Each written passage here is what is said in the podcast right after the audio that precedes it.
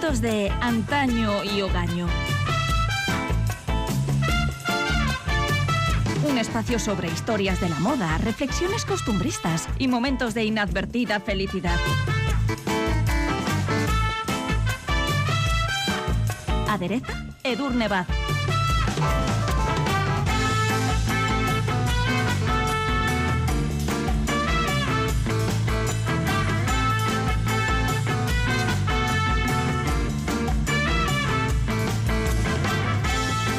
Nos parece necesario seguir ampliando nuestro catálogo de influencers de antaño y hogaño, una doble etiqueta que resulta particularmente apropiada para nuestra protagonista de hoy. Y es que podemos afirmar que a unos meses de cumplir los 101 años, la empresaria, decoradora de interiores y prescriptora estadounidense Iris Apfel fue tan influyente antaño como lo sigue siendo hogaño.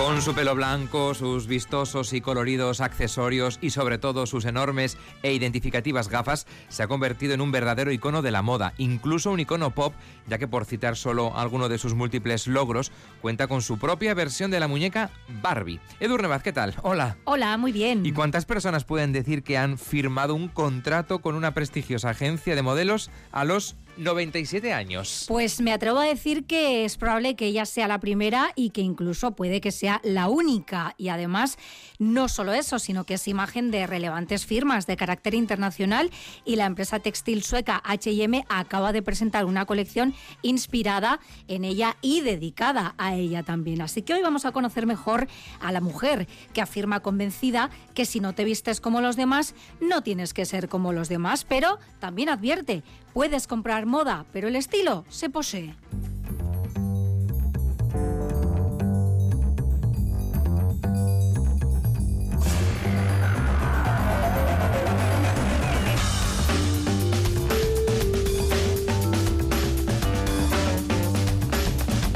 Vamos a comenzar a trazar la historia de esta influencer de antaño, que también lo es hogaño, de nombre Iris Apfel, de soltera Barrel, que nació en el neoyorquino barrio de Queens el 29 de agosto de 1921.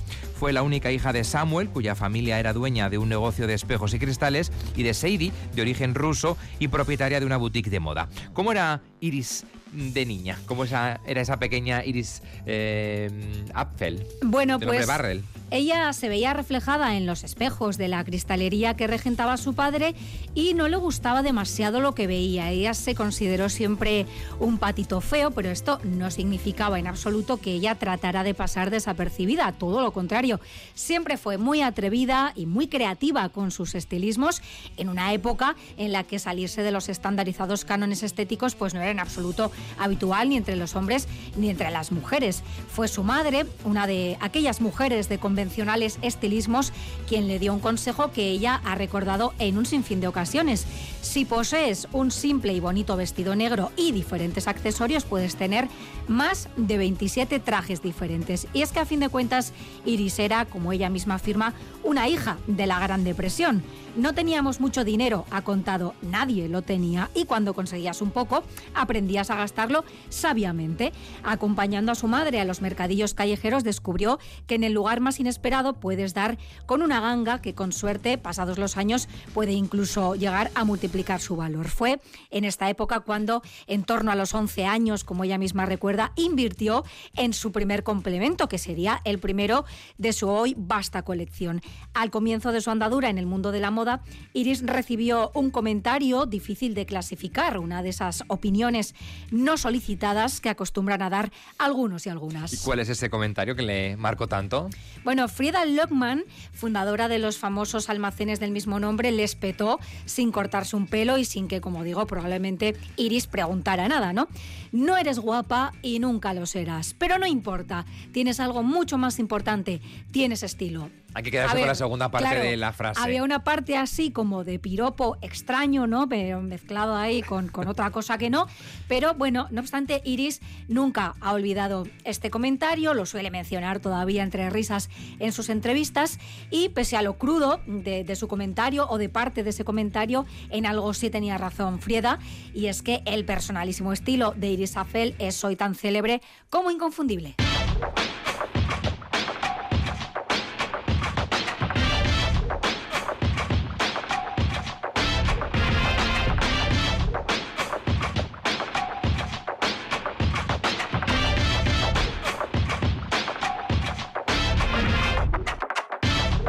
Iris Apfel estudió Historia del Arte en la Universidad de Nueva York y más tarde asistió también a la Escuela de Bellas Artes de la Universidad de Wisconsin. Al finalizar sus estudios, consiguió un trabajo en la considerada Biblia de la Moda, era la icónica revista Women's Wear Daily, como ayudante de ilustración. ¿Por dónde discurre la historia? Bueno, tenemos que señalar que estamos hablando de una época en la que el trabajo remunerado de las mujeres, particularmente en determinados sectores, era todavía muy infrecuente, pero como veremos, Iris siempre ha ido por el mundo rompiendo moldes, como lo sigue haciendo a día de hoy.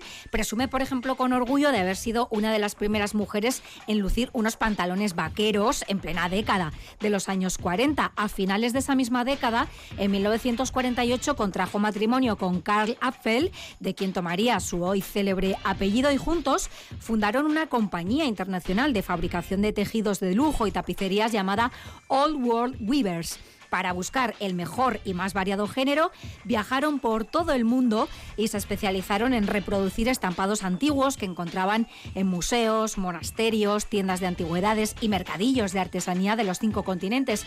Y en paralelo, aquellos viajes fueron inspirando y enriqueciendo también los estilismos de una siempre curiosa Iris. Y es que, como ella misma afirma, tienes que estar interesado. Si no estás interesado, no puedes ser interesante.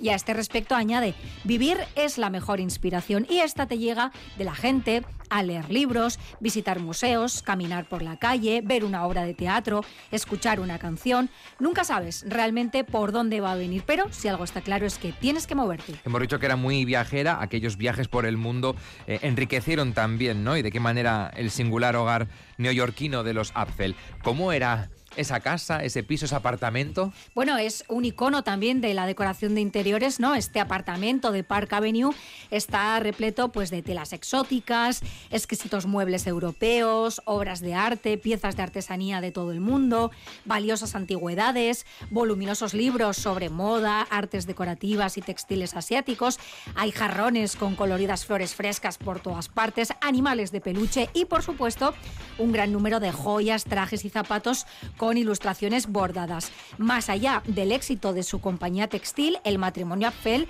fue ganando un creciente prestigio también en el campo precisamente de la decoración de interiores. Su cartera de clientes no solo incluía a celebridades del momento como Greta Garbo, Steve Lauder o Jacqueline Onassis, sino que también participaron en la reforma y decoración de la Casa Blanca a las órdenes de nueve presidentes diferentes. Modificaron y reformaron la Casa Blanca para Truman, para Eisenhower, para Kennedy, para Johnson, para Nixon, para Ford, para Carter, para Reagan y también para los Clinton. Bueno, un conjunto importante de presidentes y de estilos distintos. Sí, se conocen la Casa Blanca pues como la palma de su mano, ¿no? Mucho más que los propios presidentes y las primeras damas.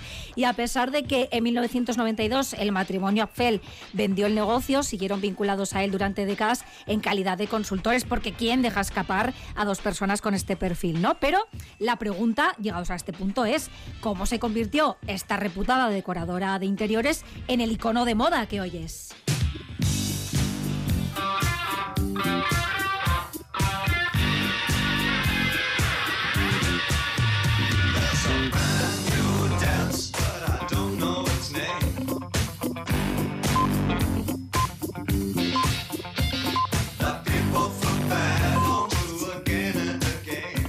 Vamos a dar un salto en el tiempo hasta situarnos en el año 2005 porque el Instituto del Traje del Museo Metropolitano de Nueva York organizó una retrospectiva con la colección personal de Iris Apfel. ¿Qué incluye esa exposición? Bueno, en ella se exhibieron casi un centenar de prendas y complementos de su impresionante vestidor, entre los que había zapatos, sombreros, collares, pulseras o pendientes, y esta muestra, según el propio Met, pretendía explorar la afinidad entre el diseño de moda y accesorios y el poder de ambos para afirmar el estilo por encima de la moda, lo individual por encima de lo colectivo. La propia Apfel participó junto al comisario de la exposición, Harold Koda, en la creación de los estilismos que fueron mostrados al público y la muestra, que llevó por título Iris Apfel Rara Avis, puso a la por aquel entonces ya octogenaria, empresaria y decoradora en el radar de las revistas y firmas de moda de todo el mundo. Fue además la primera vez que el Museo Metropolitano de Nueva York organizaba una muestra de vestidos y accesorios de una persona viva que no fuera diseñadora de moda. Además de acabar girando por Estados Unidos de forma itinerante, pues esta exposición se materializó también en un libro joya que vio la luz en 2007 y para sorpresa de la propia Iris, pues los acontecimientos se precipitaron. Es como ¿no? que le llegó su segunda vida en los 80, ¿no? Sí, sí, le llegó la fama por sorpresa, pues siendo ya octogenaria y en 2012, a los 92 años, la firma de cosméticos MAC la convirtió en imagen de una línea que llevó su nombre y que incluía barras de labios, lacas de uñas, sombras de ojos, coloretes y lápices para cejas, ojos y labios. Claro, ella, pues sorprendida, decía, nunca imaginé hacer esto, pensé que era parte de un sueño psicodélico. Pues no era realidad. No, era completamente cierto y además siguió su curso porque llamaron a su puerta otras firmas como la marca australiana Blue Illusion que creó en su honor una colección bautizada como Ageless, o sea, sin edad creó una colección cápsula con HSN y colaboró con la firma de decoración Grandin Road, posó como modelo de excepción para Another Stories y fue asimismo imagen de las campañas de Kate Spade o de Alexis Vitar. En 2014, Albert Maisles, director de una pieza audiovisual de culto como es Grey Gardens, ¿no? pues rodó también un documental sobre su vida que tituló Iris y que en palabras de la propia Apple la convirtió en una estrella geriátrica, ¿no? Bueno, es una influencer geriátrica también. Y cuenta, mi marido y yo nos reímos mucho con la situación. He estado haciendo esto toda mi vida y ahora me encuentro con montones de revistas, sobre todo europeas, que están escribiendo sobre mí, pero no estoy haciendo nada distinto a lo que he hecho durante los últimos 70 años. Lo bueno es que con ochenta y tantos años, o noventa y tantos años, que es cuando firma esos contratos eh, con Mac, la forma de asimilar el éxito es muy distinta. Claro, ya está de Estás vuelta, de vuelta. de todo, tu vida está resuelta y te dedicas a, A disfrutar, disfrutar. de lo que te va viniendo por sorpresa, ¿no?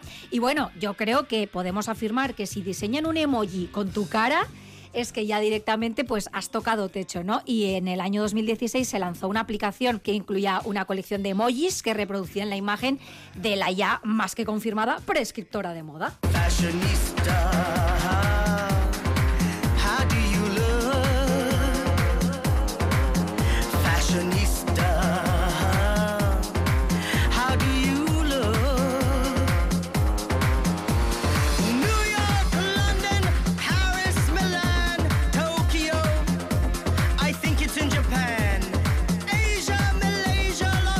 En Asuntos de Antaño y Ogaño estamos eh, recuperando ese spin-off surgido de nuestra propia Sí. sección, que es la de influencers de Antaño y Ogaño, y le toca el turno a Iris Apfel, que como estamos descubriendo, lo ha sido un icono antes y lo sigue siendo ahora a sus 101 Sí, va a años. cumplir 101 en agosto, a finales de agosto, el día 26. Bueno, seguimos trazando la historia de Iris Apfel porque dice utilizar la moda como un lenguaje para expresar cómo se siente cada mañana. Sí, parte de su secreto reside en su audacia para combinar colores, texturas y estampados de un modo poco convencional y totalmente ajeno a las efímeras tendencias de cada momento. También hay otra cosa que ella hace con más habilidad que nadie y es combinar piezas de alta costura. Tiene, bueno, pues muchísimas firmas en su armario, pero también tesoros que encuentra en tiendas de segunda mano, pequeños comercios de barrio o mercadillos callejeros. Ella Tiene que ser firma- un, un Bueno, legado el que armario- vaya a dejar. Ese armario es el propio Met en su apartamento, ¿no? Un O legado sea, importantísimo. O sea, que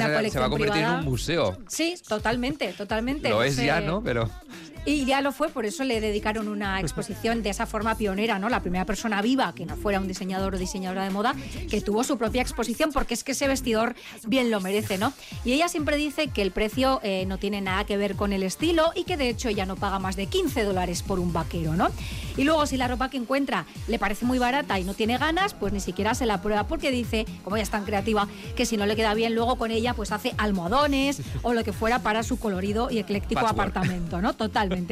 Y por supuesto, cuenta también pues con prendas y complementos muy especiales que durante su larga vida ha ido descubriendo y atesorando en sus viajes por todo el mundo. En una entrevista le preguntaron qué qué pieza de su colección salvaría en caso de que su casa se incendiara y ella, bueno, dijo, "Mm, pues no lo sé, le preguntó al periodista, si tú tuvieras cinco hijos y estuvieras en un incendio, ¿a cuál elegirías, no? Pero esto, aunque lo parezca, no significa que ella sacralice sus posesiones y de hecho, en una ocasión, una mujer quiso enseñarle su colección particular integrada por 15.000 piezas. Iris cogió uno de aquellos vestidos y le dijo a su dueña, te debes de haber divertido tanto usando este vestido. Y la mujer sorprendida le respondió, usarlo es parte de mi colección. Tú no usas tu colección. A lo que Iris respondió, en ese caso yo no tengo una colección.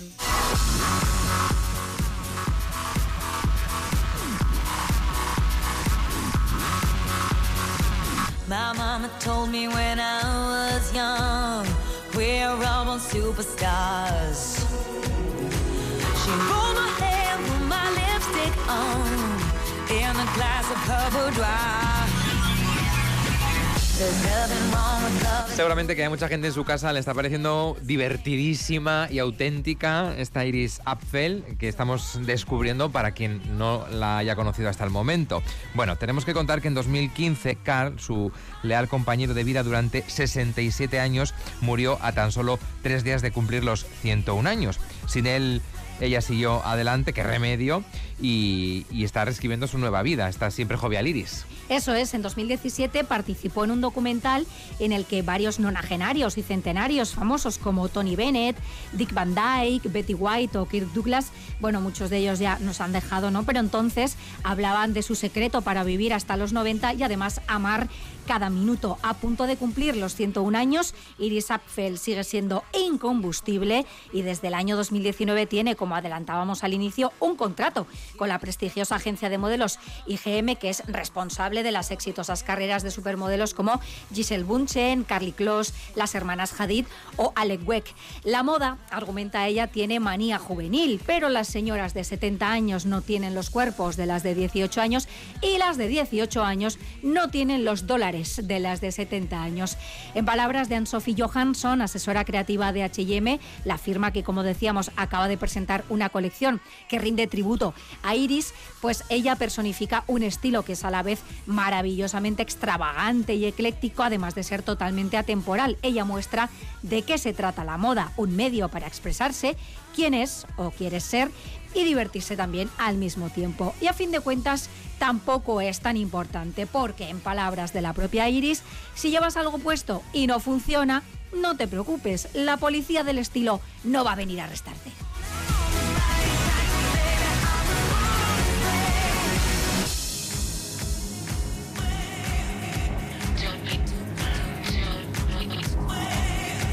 Don't be a drag, just be a queen. Whether you're broke or evergreen, you're black, white, beige, chola descent. You're Lebanese, you're Orient. Whether life's disabilities left you outcast but leader teased, rejoice and love yourself today. Cause baby, you were born this way. Hay frases que son auténticas eh, profecías, ¿no? Eh, esa eh, dueña de los grandes almacenes, eh, Frieda Leumann, que le dijo, no eres guapa y nunca lo serás, pero no importa, tienes algo mucho más importante, tienes estilo, Claro. pues eh, era auténticamente eh, demoledora la frase porque es como un piropo extraño Es- sí, sí, sí. Con una parte de verdad que ya ha sabido explotar, ¿no? Es un poco eh, gracias, supongo, ¿no? Supongo. Pero vale, pues me quedo con la parte buena y es completamente cierto. Y no hay más que acudir a Google y buscar imágenes de Iris Apfel y disfrutar con sus coloridos estilismos y con esa actitud también siempre tan vitalista. Y bueno, pues un auténtico icono de la historia de la moda, de la decoración y, y de la cultura pop, por supuesto. Y podemos seguir disfrutándola. A punto de Sí. cumplir sus 101 años. En agosto y lo con- celebraremos. Y con esa colección que acaba de estrenar para H&M, ¿no? Esa Exacto. colección cápsula. Edu Navaz, es que ricasco. Eso regatir. Agur. Agur.